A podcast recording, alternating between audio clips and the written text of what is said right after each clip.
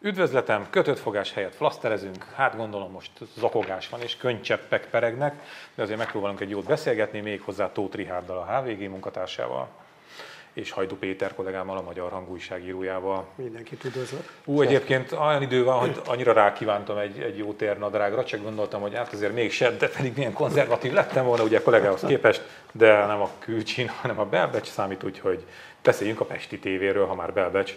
Ugye ez egy új kormányzati produkció lesz, és ez az egész történet azzal indult, hogy a Hír TV Célpont című műsorának stábja egyszer csak felállt, és kiszivárgott, ugye, hogy ők átszerződnek a Pesti srácok szerkesztőségének égisze alatt induló új televízióhoz.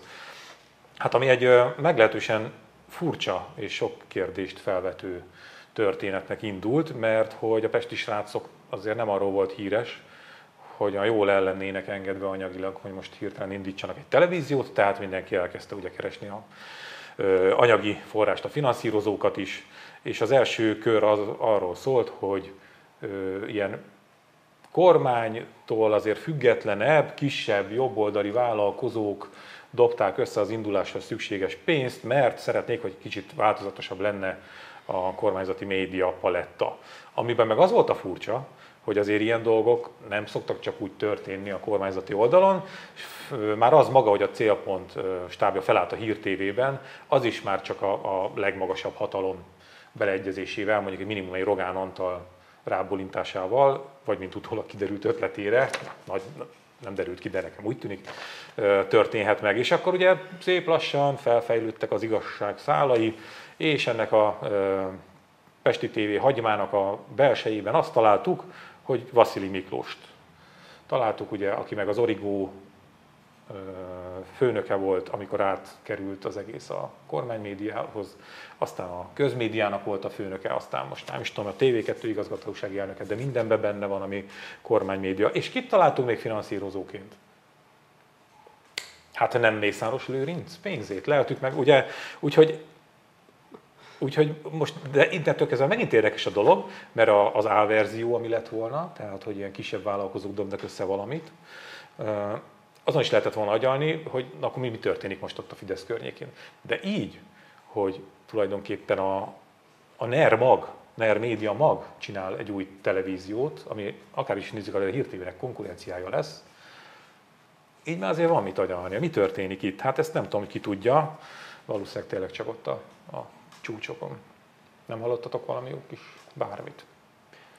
Én nem hallottam kifejezetten semmit, de kérdésem, az, az rengeteg van a témában, és amikor kiejtetted Mészáros Lőrinc nevét, akkor ugye előttem is megjelent a, az ő képe a lelki szemeim előtt, és emlékeztek, amikor ő átvette az Echo TV-t, akkor megkérdezték tőle, hogy milyen tévét szeretne csinálni, és azt mondta, hogy a, a maga egyszerűségével, és tényleg nem bonyolította túl a választ, hogy jó tévét szeretne csinálni. Ha emlékszünk az Echo TV-re, hogy hogy ez egy milyen tévé volt, akkor, akkor vessük össze ezt a, a jó tévé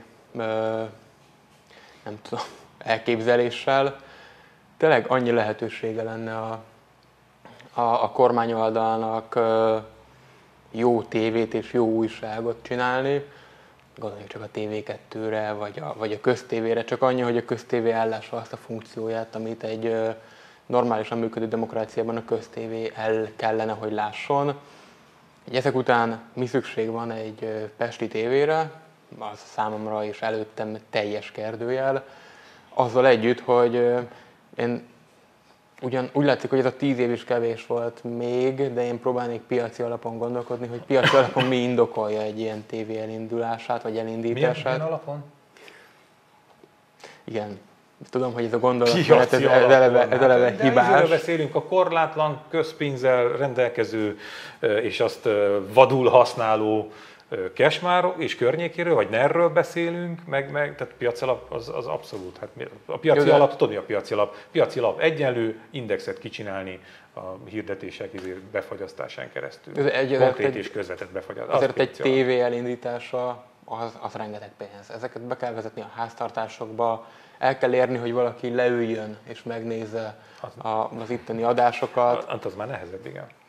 Kábelszolgáltatókkal szerződni, vagy a kábel tévéként hirdették meg, de én... Ha, majd bekerül az alkotmány, azt jó napot. Én távolabbról indulnék, mégpedig onnan, hogy a pesti srácok miért nem került be a Kesmába. Ugye ő volt az egyetlen, már a valamelyest is ismertebb médiák közül, vagy médiumok közül, amelyik nem került be.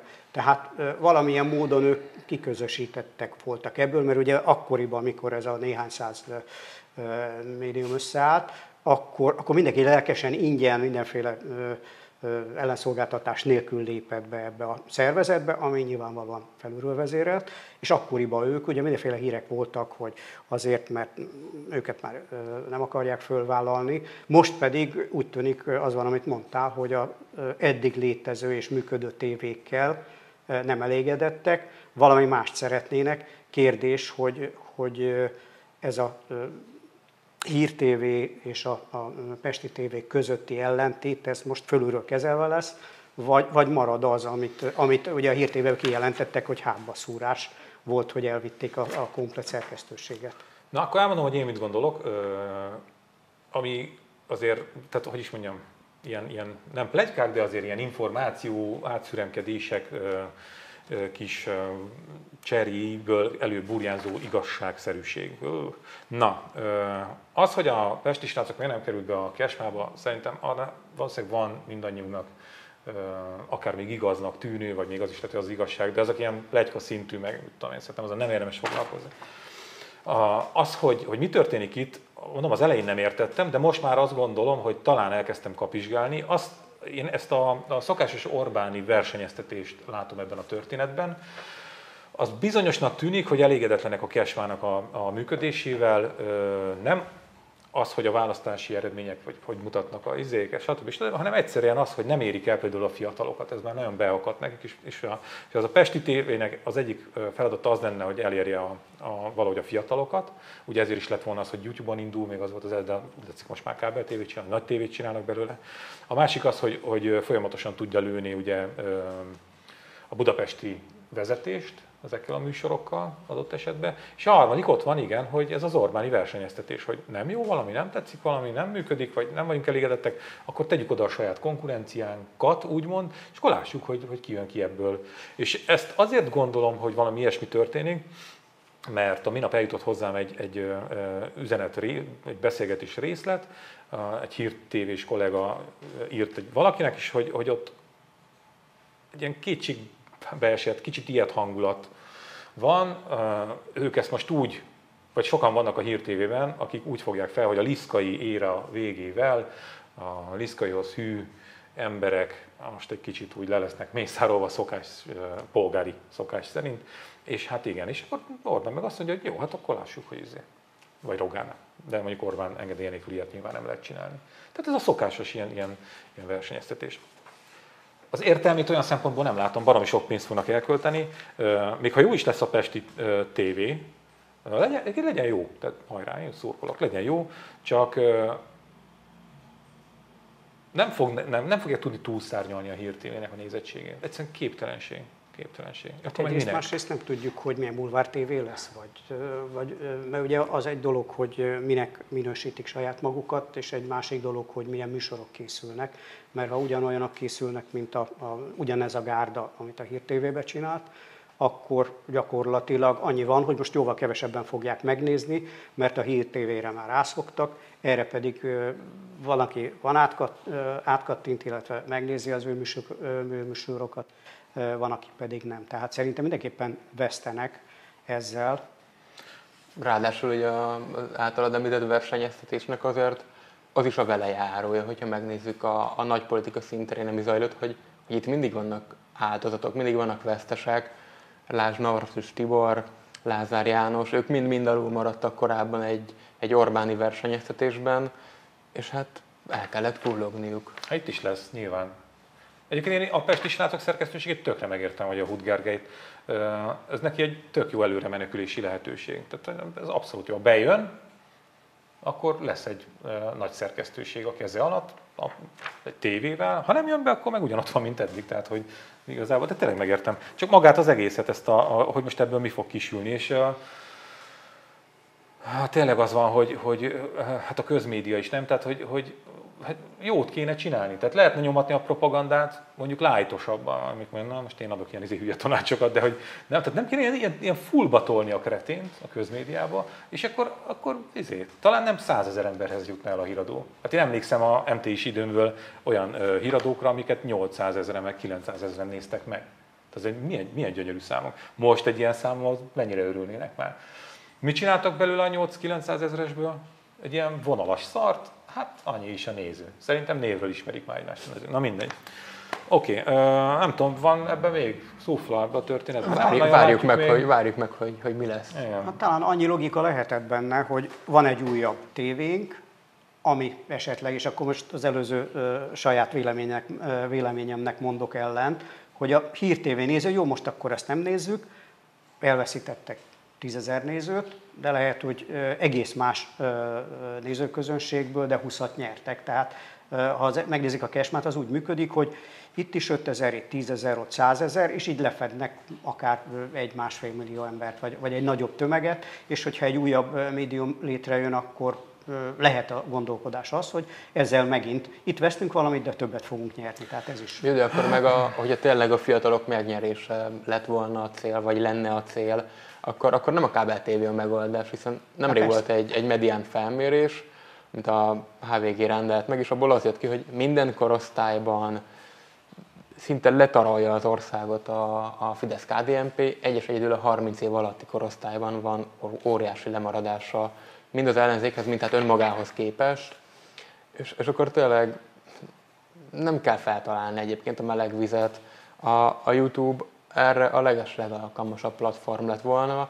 Igaz, akkor nem jutok el olyan szinten a háztartásokban, mint a kábel tv lesz lehetséges. Így mondjatok, mondjatok 30 év alatt itt, aki aki, aki leül és megnéz egy, egy híradót, Igen, vagy egy hírháttér. Nagyon nehéz lesz. Sokkal jobban jártak volna egyébként, ha ebből a pénzből csinálnak egy faszan napilapot például, nem print alapon, az még korszerűbb. Nem, tényleg az, hogy, hogy nem értem az elképzelést én sem, hogy, hogy tehát fiatalokat elérni, a fiatalok Amúgy nem néznek könnyű. tévét. Amúgy Tehát se nekem két gyerekem van, mind a kettő 20 és 30 között van, és ő legfeljebb, ha valami meccs van, ugye a fiú, az a meccset megnézi, hogyha más mondja, de ha van stream, akkor azt nézi, mert nem szereti a magyar kommentátorokat, mert rosszul közvetítenek, megnéz egy, mondjuk egy angol bajnoki meccset. Egyébként meg nem is, tehát kis túlzás, azt se tudja a tévét, hogy kell bekapcsolni. De barom, tényleg baromi nehéz elérni a fiatalokat, miközben a, a hangulat meg valóban az, amit uh, mutat a, mutatnak a felmérések. Tehát ezzel a a, ezzel az áporodott 20. századi stílussal, amivel tolják az egész kesmát, hát az úgy nem fog menni. Tök mindegy, hogy milyen platformra teszik. Ráadásul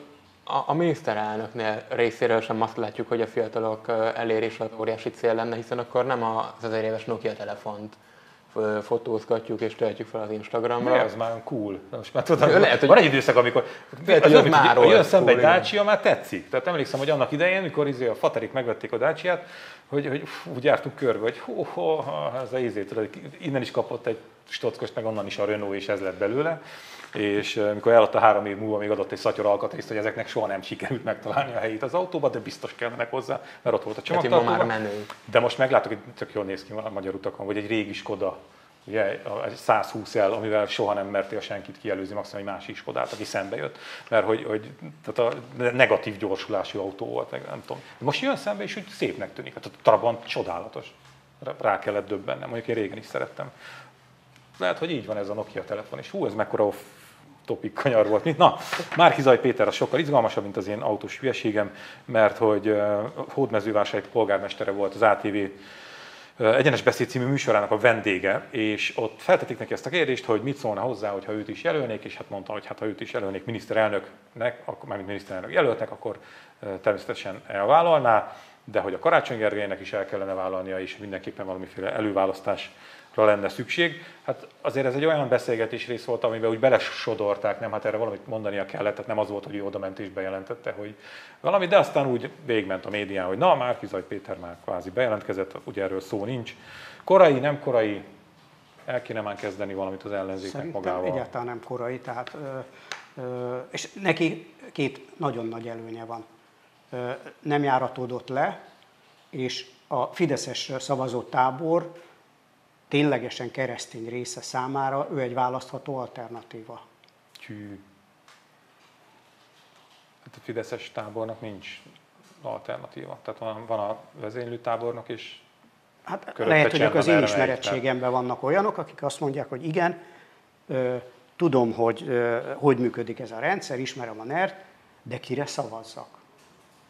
És ezt az én ismerettségemben, egy, tehát én azt mondom, hogy egy, egy 5-10, nem sokat, 5-10 százalékot le, le lehetne a, a Fideszről csípni azzal, hogy azt mondja, tessék, keresztény, sok gyerekes, nagyvállalati vezető volt, ugye Egyesült uh-huh. Államokban vagy Kanadában, már nem tudom, hogy hol, utána itthon is dolgozott, most két éve állja a sarat, nyilván politikusként messze van még Orbán Viktortól, mert ugye neki van gyakorlatilag 90 óta 30 év gyakorlata, neki meg van két év gyakorlata, ugye ő is csinált egy csomó hibát, amiben bele is kötöttek, elindult ugyan ellene egy karaktergyilkosság, de ezzel együtt szerintem ő, ő egy alternatíva, és ugye aki megnézte a műsort, az látta, amit te is mondtál, hogy ez nem ő jelentkezett be, hanem úgy került oda a szó, hogy kell egy előválasztás a ellenzéki oldalon, és ugye ott a karácsony neve vetődött föl, mint aki ismert politikus, és, mell, és akkor rákérdezett a, a ja, ja, ja. Simon András, hogy ő azt mondja, igen, én mindig kiálltam azért amellett, hogy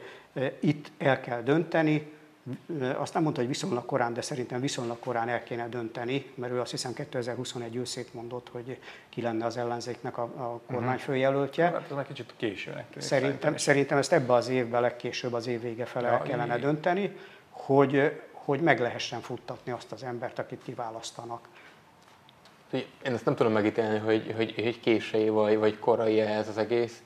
Azt látom, hogy, mivel minden personalizálódott és minden egyemberes terven zajlik, sokkal könnyebb arról beszélni, hogy éppen ki legyen a miniszterelnök jelölt, és kiinduljon egy esetleges előválasztáson, mint például az ilyen választástechnikai kérdésekről beszélni, hogy koordinált indulás, hány lista, mm, ahol egymás ellen indulna egyéni választókerületekben az ellenzék adott esetben, ott kik induljanak, sokkal egyszerűbb arról beszélgetni egy ATV-s műsorban is, amit egyébként, ha már előbb a nézettségnél tartottunk, azért az ATV egyenes beszéd az egy nézett műsor, főműsoridőben van, az sokkal egyszerűbb arról beszélgetni, hogy ki legyen a miniszterelnök jelölt, ki induljon el, mint ennek az egésznek a technikai hátteréről, és, és én azt tapasztalom, vagy azt látom, hogy, hogy, hogy még ezek a beszélgetések még, még, még csak nagyon kezdeti szakaszban járnak, volt egy, volt egy felmérés, a, amit az Index ismertetett, hogy szombathelyen megszondáztatták a közvéleményt, és ott mintha már elkezdődött volna valami, hogy akkor helyi előválasztás, és azok után kiméretesse meg magát, de hozzám nem értek el olyan hírek, hogy ez, ez egy országos dolog lenne. Arról már nagyon sokat hallottunk, és nagyon sokan beszéltek, hogy akkor ki legyen a miniszterelnök jelölt, ugye Karácsony Gergely és akkor most már már Kizaj Péter mind a kettejük nevét így bedobják időről időről az állóvízbe. Zárójelben Karácsony Gergely már volt ilyen pozícióban, mint hogy miniszterelnök jelölt. De, de azt nem tudjuk, hogy milyen konstellációban mérkőzne meg a jelen ellenzék a, a fidesz Igen, sőt, annyira, annyira nem tudjuk, hogy nem tudom nektek milyen érzésetek van, vagy hogy beláttok-e a színfalak mögé, hogy mi történik az ellenzéki sorokban. De nekem úgy tűnik, hogy eh, ezzel a vírussal és a veszély helyzeti, eh, vagy a magával a veszélyhelyzettel, mintha visszalőtték volna az egész bandát a startvonalhoz.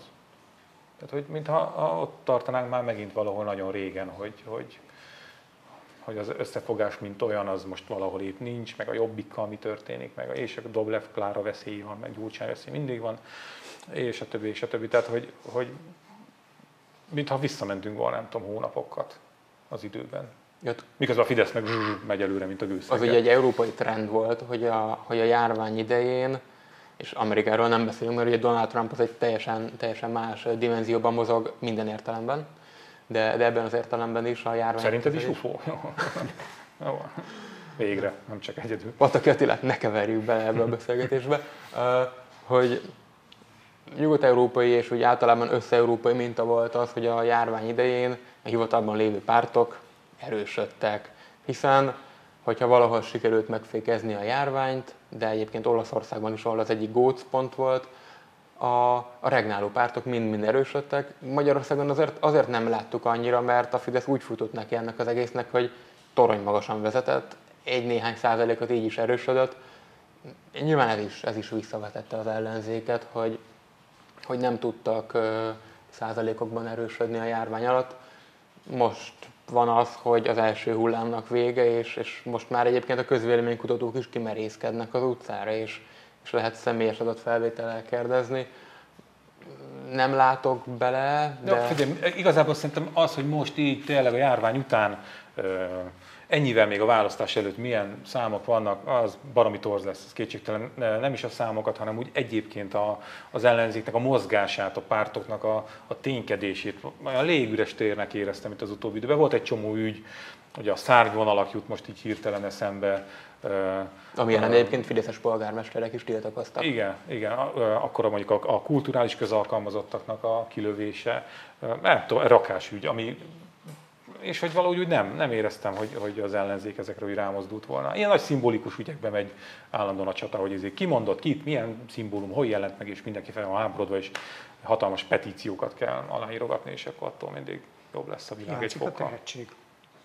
Jó, na jó, ez ö, vidámabb témákra evezzünk. Azt mondja, hogy Kósa Lajos a kisebb sörfőzdék érdekében nyújtott be törvénymódosítást, miszerint ne lehessen kizárólagos szerződést kötni a forgalmazókkal, mert szerint is a kisebb cégek is eljuthatnak az országos piac mindenféle szegmensére is nőhet ugye a arányuk is a kereskedelemben.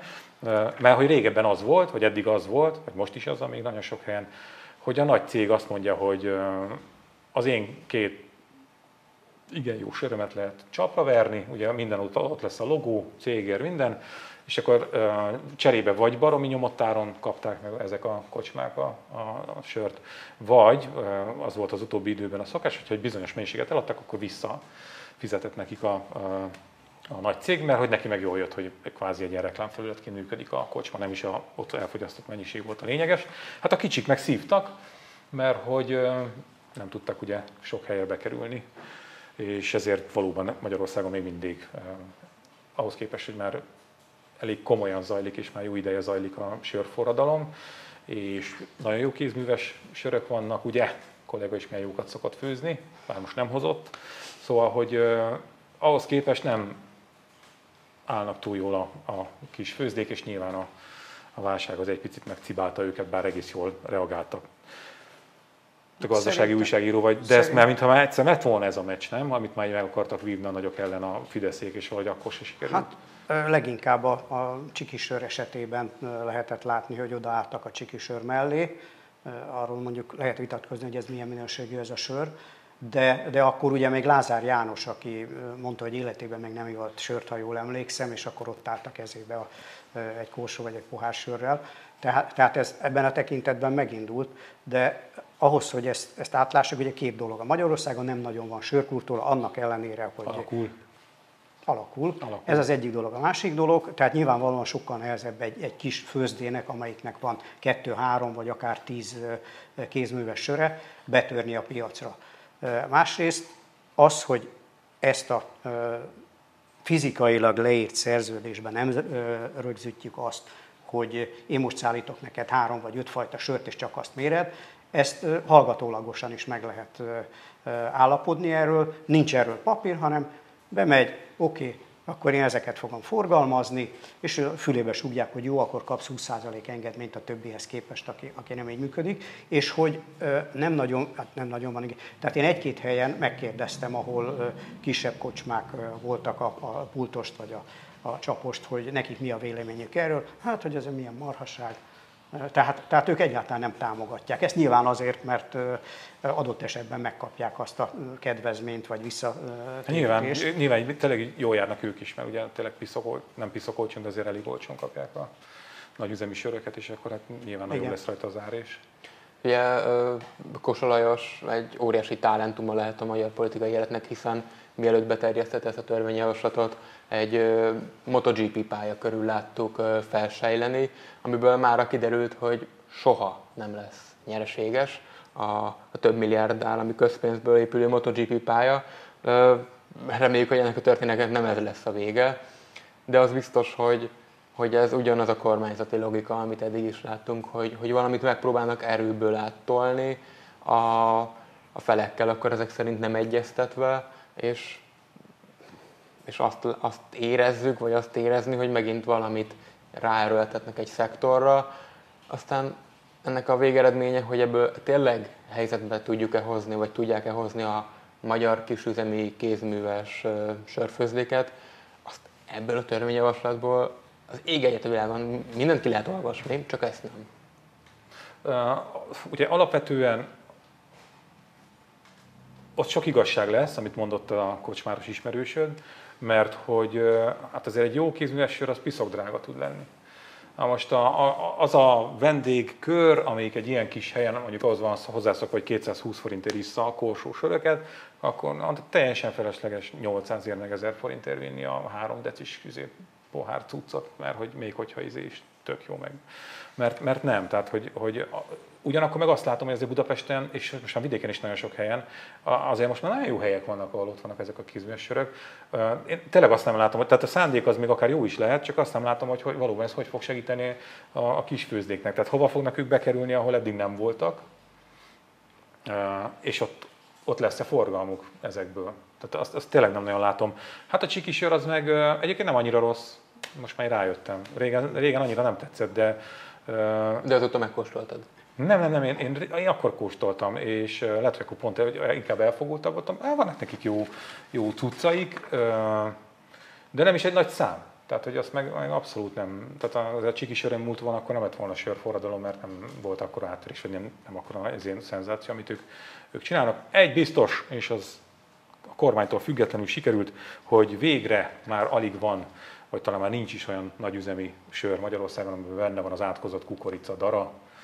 Ugye régen mindig azt a pótolták Igen. a száraz anyag tartalmat, és még néhány évvel ezelőtt is azt mondta az egyik illetékes, nem is tudom, nem mondom melyik, mert már nem emlékszem pontosan, és nem akarom egyik multit se csőbe húzni, meg utána ő húz csőbe, engem is az fájdalmasabb. Szóval, hogy valamelyik nagy multinak a, a képviselője mondta, hogy azért van kukorica a magyar sörökbe, mert a magyar közönség ezt így igényli ez neki az ízlése. Hát a nagy lószart, ti voltatok aljasok, hogy ezt a szart lenyomtátok a torkunkon. Bocsánat. No, hetedik kerület, Buli negyed. Rögtön a sör után rákanyarodunk akkor a Buli negyedre. Hát még szép, itt szerkesztés van kérlek szépen. Ugye, hát ez egy nagyon régi vita, és mind a két, én megmondom őszintén, mind a két felet megértem, ugye, hogyha úgy veszük, hogy az ott lakók és a szórakozó helyeknek a tulajdonosa működtetői dolgozói, azok a nézők, akik voltak már éjszaka a buli negyedben, amikor még a veszélyhelyzet előtt pesgett az élet, azok pontosan tudják, hogy azért tényleg brutál hely volt. Tehát ott ilyen tíztől, nem tudom, reggelig írgalmatlanul bemákolt angol menyasszony és vőlegény hordák csatája, olyan német kamasz turista csoportokkal, akiknek fogalmunk nem volt szerintem, hogy a világ melyik pontján tartózkodnak éppen. Hatalmas pörgés, izé, buli, balhék, de persze, persze jó helyek is, egy csomó színvonalas szórakozói. Tényleg ilyen, ilyen nagyon-nagyon nem azt mondom, hogy európai, de ha az ember a buli negyedbe sétált éjszaka, akkor úgy érezte, hogy lehetne akárhol a világban. Bármelyik nagyvárosban, New Yorkban, nem tudom, tényleg ilyen nagyon elképesztő nagy izé, kavalkád volt ott. Hát viszont ö, olyan helyen élni, ahol éjszakánként ilyen hordák jönnek-mennek, az meg nem túl szerencsés. Na most ennek, ennek a csatának, régi csatának egy újabb fejezete nyílt most, ugye, hogy a hetedik kerületi önkormányzat elfogadott egy rendeletet, ami felsorolja az éjszaka nyitvatartásra szükséges feltételeket, tehát nem lehet már mindenki ugye éjszaka nyitva. Hangerőszabályozás, járdatakérítás, hát mondjuk azért az minimum, fotocellás ajtó vagy zsilipes ki- és beléptetőrendszer, éjszakai rakodás tilalma, azért lássuk be, hogy piac mellett lakni például, vagy hogy nem csak a fizető vendégek használhatják a mosdót, szerintem ez hatalmas ötlet, és a vendégek nem dohányozhatnak, italozhatnak a szórakozói előtti közterületen, csak oda bent, oda bent viszont folyamatosan zajszintet kell mérni. Nem tűnik annyira háklisnak ez a történet, ugyanakkor már azt lehet hallani, hogy vannak olyan vendéglátók, akik, helyek, ahol lehúzzák a rolót, mert hogy ez nekik így nem fog menni, meg nem tudom, van valamiféle kétségbeesés. Na most akkor kinek van igaza, és mi a búbánatot lehet kezdeni egy ilyen képződményen, mint ez a budapesti romkocsma alapokon kinőtt buli negyed? Hát, ami nekem tapasztalatom van, hogy minden kisebb, közepes, nagyobb településen valamiféle csendrendelet az létezik, amiben benne van az, hogy meddig lehet hangosan zenét hallgatni, flexezni, ugye tudom, reggel 7-től este 8-ig, vagy különböző helyeken különböző igen, csak nem, csak nem folyamatos flex forradalom van, mert baromira én még em, tehát akinek flexe van, annak csendrendelete nincs, vagy nem tudom, tehát hogy, hogy olyan, mint hogy, na igen, bocsánat, ilyen off topic van. Szóval, szóval lényeg az, hogy valamiféle rendnek lenni kell. Itt kellene megtalálni azt a, a határt, hogy, hogy jó is legyen a vendéglátóknak is, meg az ott lakóknak, na, szerintem ezt nem lehet megtalálni. Aha, nekem is az a gyanúm egyébként, hogy itt nincs Mert ugye, ha valaki mondjuk 20-30-50 éve ott él, főleg ha nem igazán fiatal már, akkor az van, hogy én 30 évvel ezelőtt itt gyönyörű csönd volt, jó, legfeljebb egy-két busz vagy valami elment, vagy autó elment, most pedig az van, hogy kimegyek az ajtón, keresztül esek két részegen, egyébként meg hajnali kettőig, háromig üvölt a zene, koszosak, büdösek az utcák, tehát ez az egyik oldal, a másik oldal, hogy a, a bár én nagyon rég voltam arra felé, tehát utoljára én azt tapasztaltam, hogy a vendéglátóhelyek nem tudják kordában tartani a vendégeiket. Sokszor még a, a belül vagy a közvetlen mondjuk az utcai szakaszon se. Aztán, ha meg elmegy 10 méterre, akkor már úgymond neki semmi köze hozzá. Tehát azt mondja, bocs, gyerekek, én kiszolgáltam. Nem tudom, hogy egyáltalán életben van még az a rendelet, hogy részegembert nem szolgálunk ki. Mert Van ilyen rendelet? Ne, ne hát régebben, régebben volt. Ki szokták írni a... Ezt majd, vár, ezt majd várjuk ki, hát ezt majd várjuk, nehogy izé visszaszít. Na, nem, de hogy, hogy uh, oké, okay, abszolút, én mondom, én is azt gondolom, Szerintem hogy nagyon nehéz kompromisszumot, vagy talán lehetetlen, csak közben azért ott van a serpenyő másik oldalában, hogy ez Budapestnek egy ilyen irgalmat, meg egész Magyarországnak. Nagyon erős, idegenforgalmi vonzereje ez a romkocsmás buli negyedes turizmus.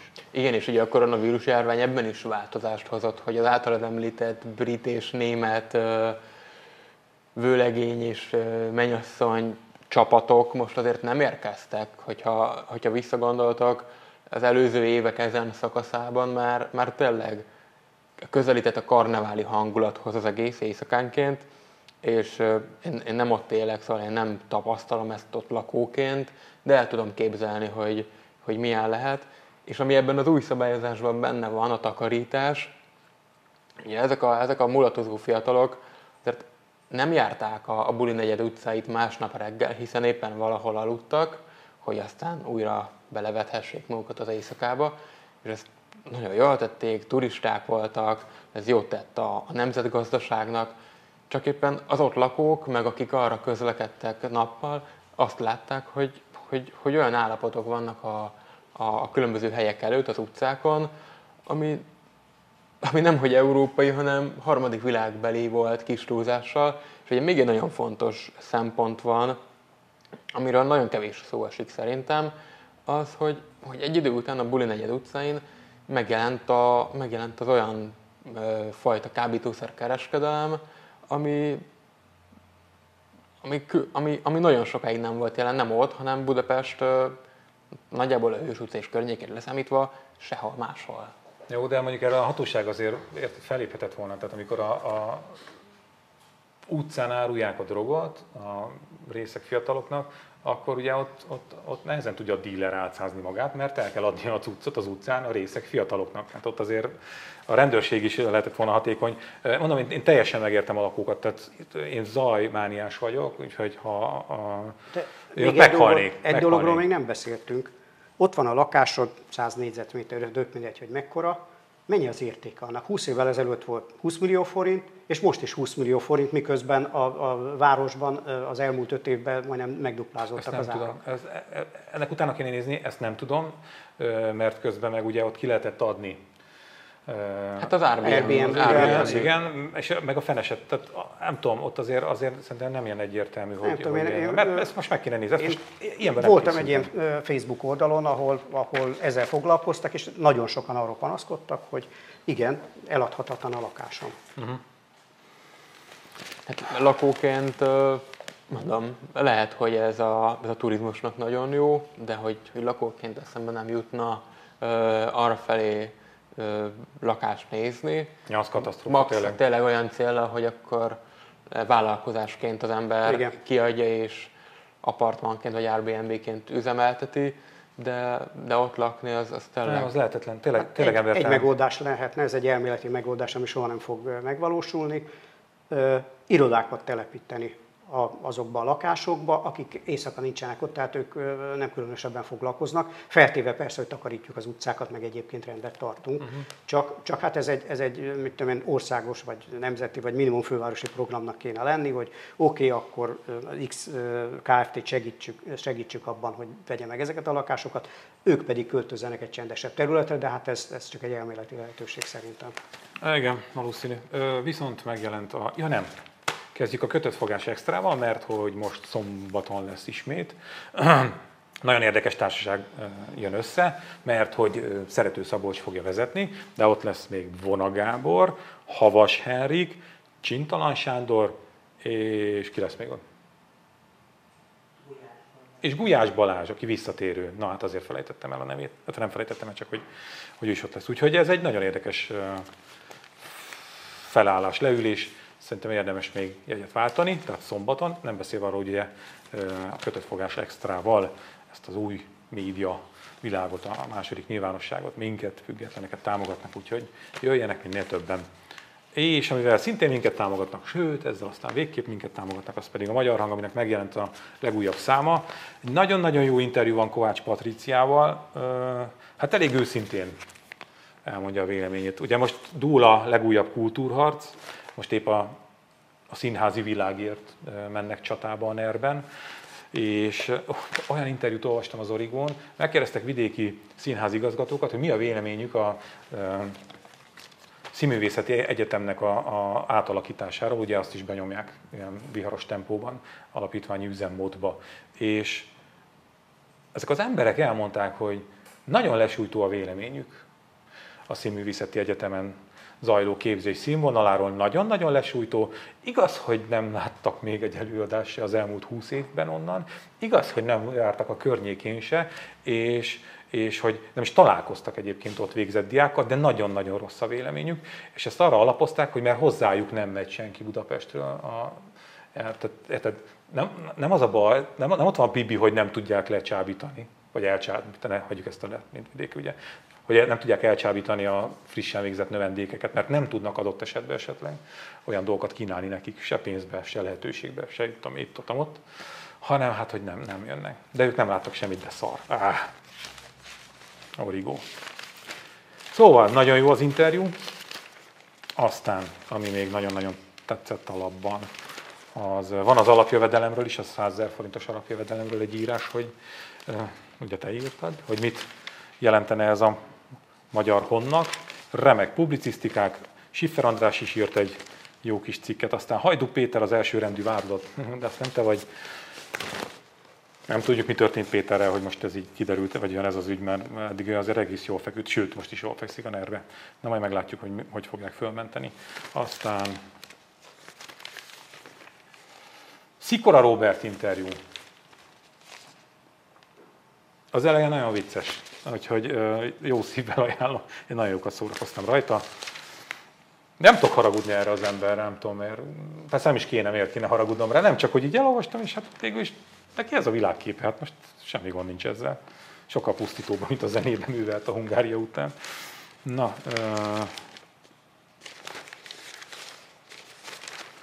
bejártuk a épülő zene, magyar zeneházát is. Na jól van, meg én is írtam bele, most én vagyok az utolsó oldalon, Puzsért, bent keressék. A lényeg az, hogy köszönjük szépen a figyelmet, és köszönjük, hogy jöttünk, jöttünk, jöttetek és beszélgettünk. De hát végül is magamnak is köszönöm. Ja. Köszönjük. Köszönjük.